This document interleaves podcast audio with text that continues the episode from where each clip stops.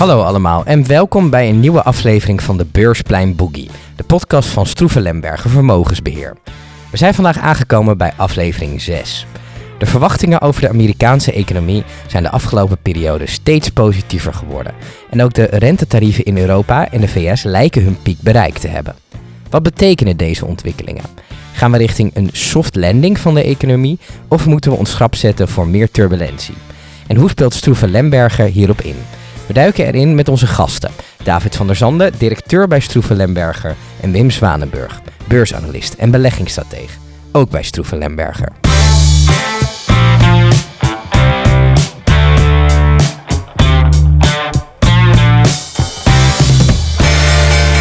Jullie spreken uh, in jullie kwartaalvisie over uh, het soft landing scenario voor de Amerikaanse economie. Um, wat betekent dat eigenlijk en, en hoe waarschijnlijk is het dat die situatie zich gaat ontvouwen? Met een soft landing bedoelen we dat de economische groei afvlakt in de Verenigde Staten, maar dat, het, dat de economie niet doorschiet in een recessie. Dus dat er echt een afname is van de, van een afname is van de economische groei. Dus wat je nu ziet is dat um, de groeiprojecties voor de Verenigde Staten die blijven toch op een redelijk niveau liggen. Voor 2023 zijn ze zelfs uh, recentelijk ook nog opwaarts uh, bijgesteld. Um, en ook voor 2024 uh, groeit de economie gematigd. Hè, dus tussen de 1 en de, en de 2 procent. Maar we zien niet, uh, hè, bij een recessie dan denken we echt, dan, dan zie je echt uh, negatieve groeicijfers. Dat is niet de verwachting die wij, maar ook die andere economen en economische bureaus hebben. Um, en alles is natuurlijk ook ingegeven door het feit dat er in de Verenigde Staten, maar ook in Europa, door de centrale banken op de, op de rem wordt getrapt. Hè. Dus de rentes zijn verhoogd als antwoord op de opgelopen inflatie. En een hogere rente betekent meestal uh, ja, een wat afnemende economische activiteit. Ja. En dat zie je nu langzamerhand ook doorkomen in uh, de groeicijfers. Maar de, de, Amerikaanse economie is behoorlijk veerkrachtig. De arbeidsmarkt is goed. Um, ook als je kijkt naar recente cijfers die het zeggen over hoe inkoopmanagers bijvoorbeeld uh, tegen de omgeving aankijken, dan zie je dat met name in de dienstensector in Amerika dat er nog, spreken, nog steeds sprake is van expansie. Een cijfer boven de 50 duidt op, uh, op groei. Uh, en met name in de, dienstensector, die houdt zich goed. In de industrie zie je wel uh, dat de cijfer onder de 50 is. Dus dat duidt op een uh, afnemende economische activiteit in, bij industriële bedrijven. Maar de dienstensector die, die, die, doet het goed. Ja, ik kan daarop op, op aanvullen. Je ziet ook de banengroei wat, wat afnemen. nou, dit is eigenlijk wel het scenario wat de Fed heeft gewild. Hè? Zeg maar de inflatie beteugelen door de rente te verhogen, economische activiteit wat te laten afkoelen, arbeidsmarkt minder gespannen. En dat zagen we ook in uh, het laatste maandelijkse banenrapport. En dat viel eigenlijk nog mee. en meevallen is in dit geval dat de banengroei nog wat, wat lager was. Maar je ziet toch dat de Amerikaanse consument ook blijft besteden. En uh, nou ja, uh, vooral ook aan, uh, aan, aan, diensten, wat minder in de goederensfeer. Maar belevenissen, vakantie, vliegverkeer, ja, noem maar op. en dat houdt de economie op dit moment zeker wel draaiend. Um, Oké, dat is dus Amerika. Um, maar hier in onze, in onze eurozone, um, gaan we daar een recessie in? Zien we daar juist stabilisatie? Hoe is de situatie hier? Ja, ik zou ja, zeggen, in Europa ziet het beeld toch wel uh, somberder uh, uit. Uh, eigenlijk al maanden en een aantal kwartalen lang. technisch zitten we in een recessie, waarmee bedoeld wordt dat opeenvolgende kwartalen, en dat zijn er dan meer dan twee, drie bijvoorbeeld voor Duitsland, dat we eigenlijk economische krimp zien. En eigenlijk ook voor Nederland hangt het zo'n beetje om. Frankrijk, het gaat gelukkig in de Zuid-Europese landen wel wat beter. Dus de eurozone als geheel nou ja, dat uh, zou we beter als een stagnatie kunnen omschrijven. Maar de industrie en met name natuurlijk uh, de energie-intensieve activiteiten, die zijn zeker uh, geraakt door de geopolitieke condities van de afgelopen jaren. En ook vanwege natuurlijk de verminderde en, en, duurdere aanvoer van ja, aardgas en, en olie en dergelijke. En we zien dat ook echt uh, wel uh, terug in, uh, in de bedrijfscijfers. En ook weer wat David al noemde, die inkoopmanagers. Dat hele beeld is in Europa duidelijk zwakker als in de VS. En hoeveel zwakker? Nou, niet dat het afstevend op een, op een diepe recessie. We zien ook dat in Europa, zei het wel, dat de werkloosheid hoger, op een hoger niveau ligt dan in de VS. Maar dat de arbeidsmarkt toch nog wel, uh, toch wel krap uh, te noemen valt. En zeker ook in, in, in Duitsland. Maar dat is echt een land waar we ook zien dat bijvoorbeeld de bouwactiviteit afneemt. we zien ook dat daar de Duitse auto-industrie en alle toeleveringsbedrijven door een hele moeizame transitiefase gaan. En dat heeft nou, met verschillende oorzaken te maken. Natuurlijk ook inderdaad die energieintensiteit, maar ook ja, de concurrentie vanuit eh, China die uh, toeneemt. En in de auto-industrie is een omschakeling natuurlijk aan de gang naar elektrische auto's. Nou, we zien dat Chinese merken het erg goed doen op de Europese markt. En uh, ja, de Chinezen zijn daar wat verder en ook met het uh, beslag leggen op, uh, op grondstoffen. Ja. Dus we gaan daar ook in Europa nog door een moeilijke fase heen. Ja, en misschien ook op lange termijn nog wel meer last van krijgen. ja, ik zou ons niet helemaal willen, willen uitvlakken. Het is natuurlijk toch een, een, een grote consumentenmarkt. Wat ik al zei, de werkloosheid is, is, is nou, op een hoger pijl dan in, in, in de VS, maar met 6 à 7 procent in historisch perspectief gezien tamelijk laag. De bestedingen die blijven ook nog wel op peil, omdat de lonen ook wel wat gestegen zijn ten compensatie van de inflatie van de laatste jaren. Zelfs ook pensioenuitkeringen die weer wat kunnen stijgen. Dus uh, ja, het is zeker niet uh, dat we hier in Europa in een hele diepe misère zitten. Gelukkig uh, beweegt inflatie zich ook in een dalende tendens. Maar wel wat boven, boven de kerninflatie. Maar bijvoorbeeld ja, voeding en, en dergelijke. De prijzen liggen zeker toch nog op een hoog niveau en hoger dan een jaar geleden. Ja. Het is wel een balanceeract ook uh, voor de Europese Centrale Bank natuurlijk. Hè? Want je vroeg net hoe, hoe slecht gaat het allemaal. Ja. Voor, uh, maar als je kijkt naar groeipercentages, dan zie je dat de economische groei in Europa of in de eurozone dit jaar uh, behoorlijk afvlakt in, vergel in, vergelijking ook met vorig jaar. Hè? Dus als je kijkt naar de laatste prognoses van de IMF, hè, dan ehm, zien we voor dit jaar een verwachte groei van 0,7 procent. ter vergelijking voor Amerika wordt een groeipercentage van meer dan 2 procent verwacht. En voor volgend jaar zien we dan uh, dat het ietsje aantrekt naar iets boven de 1%. Maar Amerika, dat ligt dan uh, ook nog tussen de anderhalf en, en de 2% zo'n beetje. Dus uh, de, in de eurozone zie je um, dat de economische activiteit gewoon minder is. En, ook dat, en dat weer, wordt weer spiegeld in lagere groeipercentages. Um, en wat natuurlijk spannend is, dat het inflatiebeeld is nog steeds, duidt nog steeds wel op ja, een inflatie die eigenlijk te hoog is in vergelijking met waar de ECB naar streeft. Ja. En de ECB heeft al een aantal keren de uh, rente verhoogd. Ja. Recentelijk hebben ze gekozen voor een pauze. Ja. Maar die inflatiecijfers moeten wel verder omlaag komen. Want anders dan, uh, ja, kun je niet uitsluiten dat er nog eens een keertje nieuwe rentestappen worden.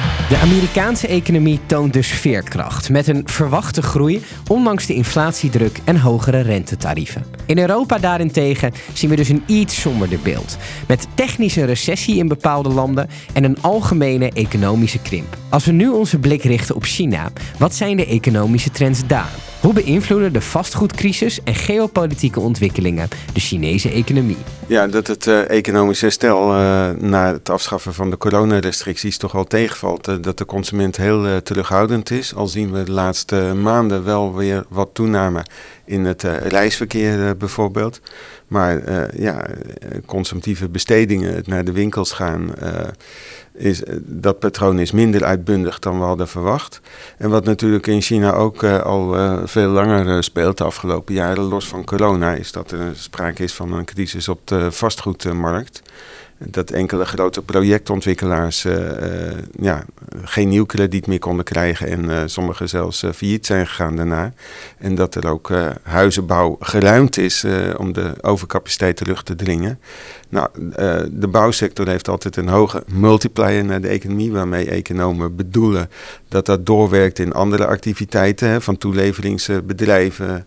Het is niet alleen de ondernemer, de aannemer die uh, de flats bouwt, maar ook de keukenleverancier. En ja, we zien bijvoorbeeld ook dat de jeugdwerkloosheid heel hoog is. En wat zorgwekkend is, is dat de Chinese overheid dan eigenlijk daar geen openheid over geeft. En zelfs stopt met publicaties van die jeugdwerkloosheid werkloosheidscijfers. Maar ook in China lijkt het er wel op dat zeg maar, we wel een beetje de bodem hebben bereikt. Want juist onlangs heeft ook het IMF nog de ramingen voor dit jaar uh, en voor volgend jaar wat uh, verhoogd. En voor dit jaar komt de economische groei dan in China volgens buitenstaanders, dus niet de Chinese autoriteiten die dat uh, bepalen. Maar bijvoorbeeld het IMF, dat komt ongeveer op 5,4% uit voor, voor dit jaar. En voor volgend jaar zakken we dan wel wat onder die 5%. ja, we zagen ook recent dat de importcijfers van China toch ook wel wat mee begonnen te vallen. Uh, eigenlijk voor het eerst in een aantal uh, kwartalen en maanden. Maar export is nog wel, zeg maar, onder de historische uh, niveaus. En dat heeft natuurlijk met de ontwikkelingen in de rest van de wereld te maken. En ook vooral met de ontwikkelingen in de industriële sector, in de goederensector. En net als ja, elders in grote economische regio's zien we eigenlijk ook ja, dat de goederensector minder doet dan de dienstensector. Kijk, als je kijkt waar, waar de groei zit. Hè, ik had het net over het IMF. Maar ook in de laatste outlook, als je puur kijkt naar de groeistaatjes, de groei zit in, in de opkomende markten. Ja. De groeicijfers die liggen daar uh, duidelijk hoger dan in de, in de eurozone. En ook hoger dan in de Verenigde Staten. Ja. Alleen opkomende markten zijn de laatste tijd gewoon wel wat uit gratie geweest. Omdat uh, koersen van aandelen onder druk lagen. Ze bleven wel achter, ook in vergelijking met met name Amerikaanse aandelen. Ja. Dus uh, ja, ze zijn niet meer het uh, meest gewilde jongetje van de klas, klas maar ja, daar verandert niet meer het beste jongetje van de ja, klas. Ja. ja, maar onderliggend die economieën die groeien, bedrijven die groeien. Kijk alleen maar naar de auto-industrie bijvoorbeeld. Hè. We hadden het vandaag nog over met een aantal collega's. Als je kijkt het aantal Chinese automerken dat al in Nederland gekocht kan worden, dat is echt, een, echt enorm. Ja. Dus in een aantal industrieën zie je echt veranderingen optreden. En we weten allemaal dat in de maakindustrie natuurlijk daar is China groot mee geworden. Ja. Maar wat uh, Wim net ook, ook zei, bedoel, uh, mensen die worden rijker, ook in, uh, in China, gaan meer besteden. Mm -hmm. En dat, dat merk je ook. Dus die economie die verandert ook. Ja, en op een aantal terreinen zie je zelfs dat de Chinezen een voorsprong nemen. En die exportrestricties die worden opgelegd door de Amerikaanse regering aan Amerikaanse producenten, maar zelfs ook aan Europese producenten van hoogwaardige technologie. Dan zie je bijvoorbeeld ook dat ASML daar voor een deel onder te lijden heeft. Dan zie je toch dat dat een ja, strijd is op het uh, wereldtoneel om de hegemonie in uh, ja, de nieuwste technologie. En uh, dan zie je eigenlijk ja, dat de Chinezen op een aantal onderdelen zelfs wat, wat voorop lopen. Hoewel we nog niet zo heel veel horen over artificial intelligence uit China. weten analisten en waarnemers wel dat ze daar ook behoorlijk mee bezig zijn.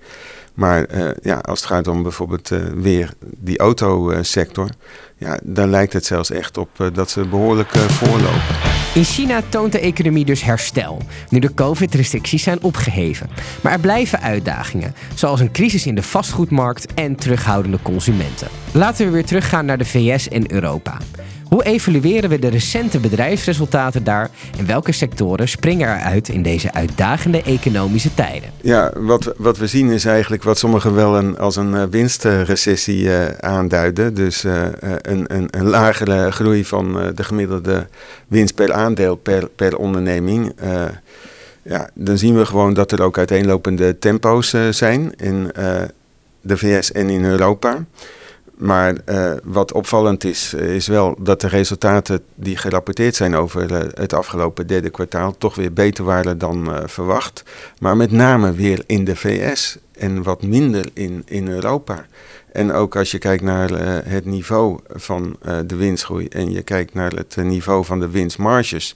Ja, dan zie je eigenlijk wel dat die hele grote impact van technologie en de communicatiesector, dienstverlening, de internetondernemingen.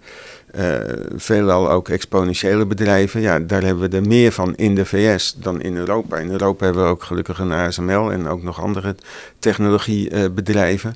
Maar dat karakter is in de VS sterker aanwezig.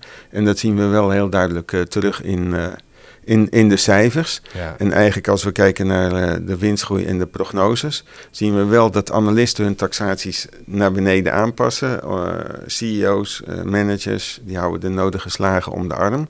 vanwege alle onzekerheden in de wereld, de geopolitieke condities. Er is natuurlijk recent de oorlog tussen Israël en Hamas bijgekomen.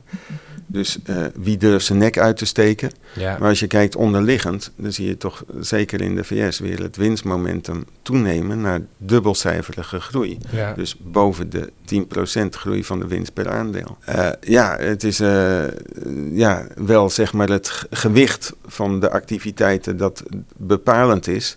Want we zien natuurlijk dagelijks de ellende van, van de oorlog in Oekraïne en, en het vreselijke geweld in, in Israël en en, en Palestina. Maar uh, ja, tot dusver is dat uh, economisch gezien een beperkt uh, conflict. We hebben ook gezien dat even de olieprijs begon op te lopen, ook even de goudprijs. Maar dat liep ook alweer terug voor het einde van de maand oktober. Was dat weer naar lagere niveaus teruggezakt. Ja, en denk onderliggend zie je, wat Wim al zei, gewoon verschillende bedrijven die echt al hele goede cijfers rapporteerden. En en in een aantal specifieke sectoren waar de, de, de marktomstandigheden echt wel wat uitdagender zijn. Ja. En dus dat uh, aantal uh, partijen die zich uh, richten op luxe artikelen, zeg maar de Carings en de LV, LV Marge van deze wereld, die hebben het momenteel best, wel, best wel lastig. dus dat zag je ook terug in, in resultaten. En in andere sectoren zie je weer hele sterke winstcijfers voorbij komen. Dus Per sector is het beeld echt wel heel, uh, heel verschillend. verschillend ja. Wat we natuurlijk hebben gezien in Europa, dat is echt een swingfactor. Vorig jaar deden de oliemaatschappijen het heel goed. Die lieten dus een hoge uh, winstgroei zien met een hele hoge olieprijs. En dat is dit jaar weer uh, toch behoorlijk teruggevallen. En het totaal van bijvoorbeeld uh, de Stock 600 of de MSCI Europe heeft dat uh, de energiesector een zwaarder gewicht. Terwijl dat in Amerika in het totale gewicht van de beurswaarde nog geen 5% is. Kortom, sterke prestaties van technologiebedrijven in de VS en in Europa gemengde resultaten, beïnvloed door energie-intensieve sectoren en geopolitieke uitdagingen. Nu brengen we onze aandacht naar de bredere financiële markten. Hoe staan de aandelen- en obligatiemarkten ervoor en welke trends zien we in deze verschillende beleggingscategorieën? Ik denk eh, per saldo, we hebben de afgelopen weken, september en oktober, waren lastige maanden voor uh, aandelenmarkten. Dus ehm, maar uh, year to date, dus vanaf 1 januari, zijn de rendementen op, uh, op aandelenbeleggingen gemiddeld genomen uh, best goed. Hè? Dus de Nederlandse beursindex, de AIX, een kleine plus 7%. Als we kijken naar Europese aandelen, plus 9%. Amerikaanse aandelen, plus 15. Ja. Met name ook gedreven door grote technologiebedrijven die een behoorlijk gewicht hebben. Dus um, dus aandelenbeleggers hebben uh, tot op heden hebben ze best een, uh, best een goed jaar. Ja. Ik denk voor obligatiebeleggers is het, een, uh, is het nog steeds wel uitdagend. dus de rendementen van de obligatiebeleggingen die liggen nu op een, als je nu instapt, op een um, beter niveau dan een paar jaar geleden. Maar omdat de rente dit jaar verder is opgelopen, lage koersen ook weer onder druk. Ja. dus de obligatieindices die schommelen een beetje zo rond de nul of ietsje daarboven. Maar het is, um, ja, dat is nog steeds wel een, een uitdagend uh, segment. Maar aandelenbeleggers hebben het uh, in, de, in zeg maar de ontwikkelde markten hebben ze een goed jaar. Ja. Ja, als je kijkt, bedrijfsobligaties staan nog in, in, in de plus, want die hebben dan een extra premie, zeg maar, een hoger effectieve rendement dan staatsleningen. Uh, maar uh, ja, het is wel, uh, wel, wel moeizaam. Het is niet zo'n verschrikkelijke obligatiejaar als, als, als vorig jaar. Maar we hebben dus wel gezien dat in september en oktober die kapitaalmarktrente, bijvoorbeeld de tienjaarsrente op staatsleningen, dat die weer ging stijgen. Met name ook door de VS. Uh, de Fed-president uh, Powell had gezegd van uh, nou het duurt nog even voordat we de rente, de geldmarktrente kunnen gaan verlagen. Dus higher for longer. En dat stuwde ook wel die kapitaalmarktrente op. dat kwam ook omdat ja, de Treasury, de Amerikaanse ministerie van Financiën, een grote beroep deed op de kapitaalmarkt. Dus er werden veel nieuwe leningen uitgebracht. Uh, die werden wat minder gekocht door uh, de Chinezen en de Japanners en andere buitenlandse investeerders. En uh, Amerikaanse beleggers waren ook onzeker. En die hogere Amerikaanse rente heeft eigenlijk wereldwijd de andere obligatiemarkten en rentes ook meegesleept. Ja. Maar laten we zeggen, begin november, nou, toen kwamen er toch weer wat geruststellende bewoordingen van Powell. En van zijn uh, kornuiten in het beleidsbepalend uh, committee. En uh, ja, toen is die, zeg maar, de snel oplopende rente is eigenlijk wat meer in een zijwaarts vaarwater terecht gekomen. Dus we zien nu eigenlijk ook dat de obligatiemarkten wat kalmer worden. Maar die waren nerveuzer dan de aandelenmarkten eigenlijk. Want we vergelijken altijd de, ja, de spanningsgraadmeters, de VIX. En voor de Amerikaanse obligatiemarkt is dat uh, de MOVE, M-O-V-E, een index. En die geeft de bewegelijkheid uh, weer. En uh, ja, vaak is de obligatiemarkt uh, kalm, dat kabbelt wat. Maar ja, door de snel oplopende inflatie van de laatste jaren is die move heel erg in beweging gekomen. Ja, ja. En uh, ja, ligt uh, die spanningsindicator, die lag heel duidelijk op een hoger niveau dan, uh, dan, dan de fix. Dus nou, we hadden wat moeizame aandelenmarkten ook in het derde kwartaal, met name ook in september, oktober. maar het was niet echt een, een, een totale sell-off. En nou, in, in november lijkt het weer positief te keren. Dus wie weet. Um, en wat kunnen we afleiden uit de recente ontwikkelingen in infla inflatie en rente? Ja, ik denk, uh, inflatie was uh, vorig jaar een heel groot thema. Je ziet dit jaar dat um, inflatiecijfers doorkomen die lager op een lager niveau liggen dan, uh, dan het jaar daarvoor. Ja. Dus dat is, dat is goed. Lag ook wel in de lijn der verwachtingen. Hè? Dat heeft te maken met de basiseffecten. Ja. Dus um, dus dat is, uh, dat is een, uh, ja, iets uh, dat zich uh, voltrekt in lijn met wat wij eigenlijk ook wel hadden verwacht. Ja. Wat je wel ziet als je de inflatie ontleedt, hè, dus dan wordt heel sterk gekeken naar de, de belangrijkste componenten in de inflatie, zeg maar de kerninflatie. Dus um, er worden dan componenten uitgehaald die te maken hebben met olieprijzen en voedsel en energie. Hè, dus dat, dat wordt gezien als volatiel. En wat je dan overhaalt is de kerninflatie. Daar kijken centrale bankiers ook naar. Mm -hmm. uh, maar dat ligt nog steeds op een niveau wat eigenlijk hoger is dan waar de centrale banken naar streven. Zowel in Amerika als in, uh, als in Europa. Ja. Dus um, uh, ja, die, die, de inflatie is, is sticky, hè, wat we noemen. Het is niet zomaar uit de economie. En, um, en hoe langer het op een hoog niveau is, hoe langer het beklijft en het zich vertaalt ook in hogere lonen, hogere prijzen, et cetera. Ja er is geen sprake van een loonprijsspiraal. Dus dat het een het ander versterkt. Mm -hmm. Maar goed, het is wel... Um, ja, zeg maar, het tempo waarin de inflatie afneemt is, uh, is, niet, zo, is niet zo hoog. En dat zie je ook al in, in de woorden van centrale bankiers en andere beleidsmakers uh, terug. Hè, dat we rekening moeten houden met een paar jaar van gewoon wat hogere rentes. Ja, want hoe, hoe gaan dit zich langer termijn ontwikkelen, verwachten jullie?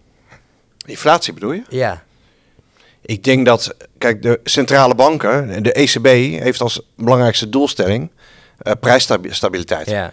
En zij streven naar een inflatie van 2%. Mm -hmm. Daarvoor zijn ze op aarde. Ja. En ze gebruiken het renteinstrument onder meer om uh, uh, te sturen. Ja. Hè? Dus, en dat, dat zie je ook. Ja. Dat hebben ze ook gedaan. Um, dus um, ja, wij verwachten wel dat die, dat die inflatie verder zal gaan afnemen richting de 2%. Ja. Maar het zal, het zal nog wel eventjes duren. Ja. En je kunt natuurlijk scenario's bedenken waarin de olieprijs explodeert. Hè? Dus op het moment dat het conflict in het Midden-Oosten uh, ja, helemaal misloopt en Iran wordt betrokken. En uh, ja. als er meer landen worden betrokken, dan kun je natuurlijk voorstellen van oké, okay, de olieprijs. En dat leidt dan weer tot een toenemende inflatie. Misschien vertaalt zich dat in hoge rentes, et cetera. Ja. Maar ik denk op enig moment zal, zal die inflatie gewoon wel. Uh, en is dat dan ook de reden dat ze nu wat voorzichtiger zijn? Zeker. Ja, zeker. Ze denken dat zou nog kunnen gebeuren en dan moeten we wel goed kunnen ingrijpen.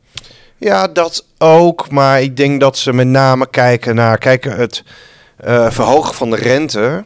Dat uh, de effecten daarvan zie je pas op wat langere termijn Ja. terug. Hè, dus ze hebben zowel in Amerika als in Europa is de rente behoorlijk opgetrokken. Dus dan duurt het even voordat, die, voordat het ook effect uh, sorteert. Ja. Dus dat, ehm, dus uh, centrale bankiers die zien, die zien al de eerste effecten daarvan. En op een gegeven moment maken ze een inschatting. Zijn we nu op een niveau wat we zien als neutraal, hè, gegeven de omgeving. Mhm. Uh, nou, in zowel Amerika als in Europa is het besluit genomen om nu even te pauzeren. En um, we zien geen reden om nog eens een keer die rente veel verder op te gaan trekken.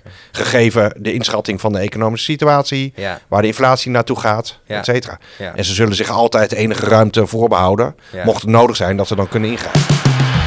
Al met al een periode van economische onzekerheid. Met een langzaam dalende inflatie, maar nog steeds boven de doelstellingen van de centrale banken. We gaan even een kijkje nemen op de aandelenmarkten. Hoe worden de waarderingen beïnvloed door deze economische context? En zijn er specifieke sectoren of bedrijven die opvallen gezien de huidige marktomstandigheden? Ja, ik denk als we kijken naar waarderingen op aandelenmarkten. ehm, eh, 2022 was een heel bijzonder jaar.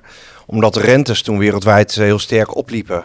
En dat had eh, zijn weerslag. Ehm, dat zagen we eh, in de obligatiemarkten, maar ook in de aandelenmarkten. Ja. Omdat ehm, eh, de rente ook een component is in de waardering van eh, aandelen. Ja. En met name bedrijven met ehm, eh, goede groeivooruitzichten. die gemiddeld genomen hogere waarderingen hebben. Die werden daardoor hard geraakt. Ehm, dus dat was in 2022. 2023, ehm, wat we nu zien als we kijken naar waarderingen van de aandelenmarkt, dan zien we dat verschillende markten eigenlijk onder hun historische gemiddelde noteren. Dat zien we ook in Europa, eh, maar ook in opkomende markten bijvoorbeeld.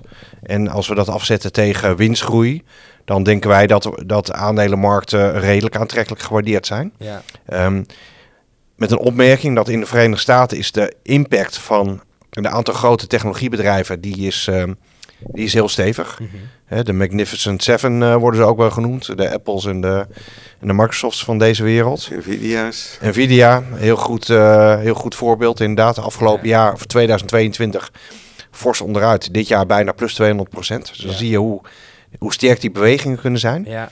Ehm, maar ja, goed, de waardering van een aantal van die technologiebedrijven, die is, eh, die is, eh, ja, die is eh, stevig. Ja. Maar dat, heeft, dat weerspiegelt zich ook in de gemiddelde, gemiddeld hogere waardering voor de Amerikaanse beurs. Ja. En het is lastig om dat in een goed historisch perspectief te plaatsen. Want een bedrijf als Nvidia, of Apple of Microsoft, zeg maar de waardering, hè, die hebben een hoge, eh, grote marktkapitalisatie, hebben een fors gewicht, ook in de Amerikaanse index.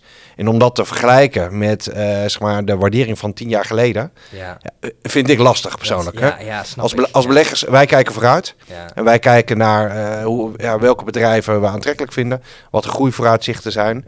En dan maken we keuzes. En om elke waardering nu in de historische context te plaatsen, in vergelijking met eh, tien jaar geleden, kun je doen. Maar je moet wel af en toe dat beeld nuanceren. En ik denk dat de nuancering voor de Amerikaanse aandelenmarkt wel op zijn plaats is. Ja. Ja, dat betekent dus eigenlijk dat we daar een wat hogere waardering ook willen betalen. Hè. Je zou kunnen zeggen, je betaalt een premie ten opzichte van zijn historisch gemiddelde. Maar wat David al zegt, het gewicht van die technologiebedrijven. En we zien ook dat die bedrijven gewoon een hogere winstmarge hebben. Ja. Niet alleen dan historisch, maar ook eh, dat die nog, nog verder toeneemt. En bedrijven als eh, Nvidia, natuurlijk eh, profiterend van die artificial intelligence, generative artificial intelligence. Ja, dat gaat de komende jaren echt een enorme impact hebben. Ja. Die eh, orderboeken die zijn al totaal eh, bezet, uitverkocht eigenlijk. Eh, ze hebben de omzetprognoses en de winstprognoses nog verder op, opgeschroefd. En het gaat zich buiten Nvidia ook nog heel erg verbreden naar tal van ja, industrieën en ook in, in, in de dienstverlening. Dus de productiviteit eh, die zal potentieel ook gaan eh, stijgen. We moeten kijken nog in welke mate dat eh, op langere termijn nog banen gaat kosten. Maar dat, die vrees hebben we altijd gehad bij technologische innovatie Ja. dat dat banen zou wegnemen. Maar het karakter van de economie verandert natuurlijk ook. Ja. Nou, conclusie is wel dat we op dit moment eigenlijk niet heel erg angstig naar die waarderingen kijken. En eigenlijk als we kijken naar de performances, de beleggingsresultaten op de, op de markten.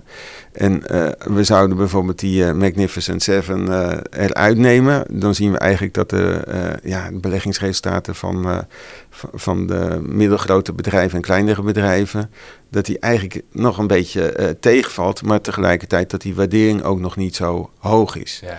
Dus per saldo zijn we eigenlijk in het kader ook van de, eh, nou ja, de renteontwikkeling wel positief over de waarderingen want, eh, van de aandelenmarkten. Want we denken dat aan de stijgende rente per saldo ook wel een eh, einde gaat komen. Ja.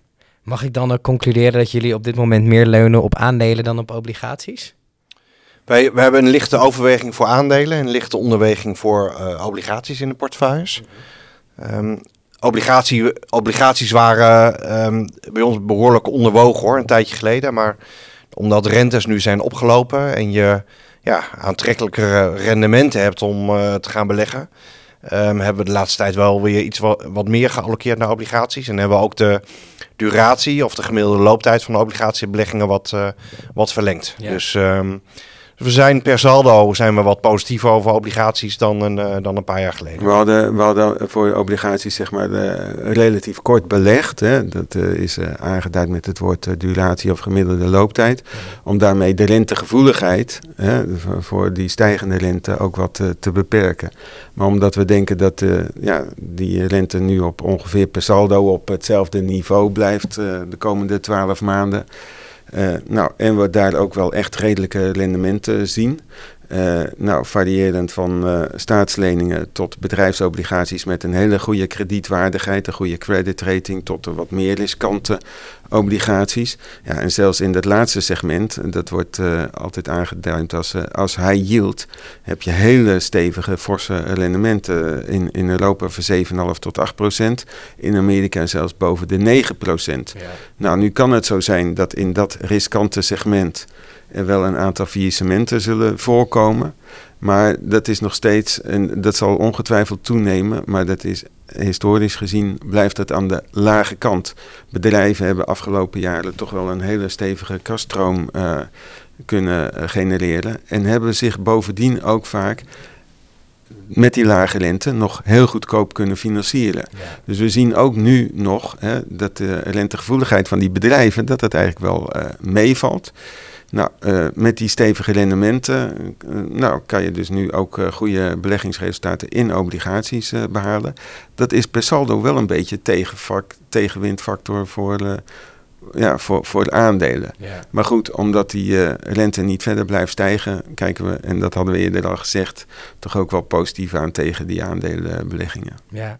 Ehm, gaan we nog een, eh, het is nu, we zitten nu in november, gaan we nog een eh, eindejaarsrally zien? Of, eh, Ja, er zijn altijd spannende uitspraken. hè. Dus dan, eh, we zitten nu eh, al een stukje in november. Dus dan eh, ga ik een uitspraak doen voor de komende ja, precies. zeven weken. Ja. Pin me niet op vast. Wat best een lange tijd is natuurlijk. Als je hier begin januari weer meldt, dan zeggen we, hey David, maar... ehm, nou, ik denk dat, dat, kijk, als je kijkt naar de afgelopen weken, toen was het pessimisme vierde hoogtij. Als je kijkt naar sentimentsindicatoren, de Fear and Greed Index kijken we naar. Die was ehm, ja, eind oktober op niveaus dat je dacht van, nou, er is nu wel heel veel eh, onzekerheid in de markt en er is veel eh, risico ingeprijsd. Ja, Meestal zie je na zo'n periode ook weer dat het weer wat herstelt. ja. Dat vertaalt zich vaak in een hogere aandelenkoersen. Dus eh, dat vind ik een factor om te zeggen van, nou, ik, eh, dat we rekening houden met een, met een herstel de komende tijd. Ik denk ook als je kijkt op de rentefront, hè, wat, wat we net ook al zeiden, dat centrale banken die eh, zitten denk ik voorlopig eh, even op hun handen. Ze, verwachten niet op korte termijn dat er eh, op dat eh, vlak sprake is van enige activiteit. Ehm, en het zou best kunnen dat dat de komende tijd zich vertaalt in een herstel van, van koersen. Ehm, dus ik denk dat er zijn een aantal ingrediënten die daarvoor pleiten. Ja. Mits kijken wat er in het Midden-Oosten gebeurt. Als dat ontspoort de komende weken, dan Ja, eh, zal, dat, situatie. zal dat misschien leiden tot hoge, o- hogere olieprijzen, oplopende rentes, et cetera. Maar ja, ik, zoals, het, zoals ik er nu tegenaan kijk, denk ik dat er een redelijke kans is dat we de komende weken wel een herstel zien in de aandelenkoersen. Mooi, dat lijkt me een mooie eindnoot. Dank jullie wel allebei. Tot zover aflevering 6 van de Beursplein Boogie. Alles wat we vandaag hebben besproken en nog veel meer kunt u teruglezen in de kwartaalvisie. Deze is te vinden op www.stroevenlemberger.com. Graag tot de volgende aflevering.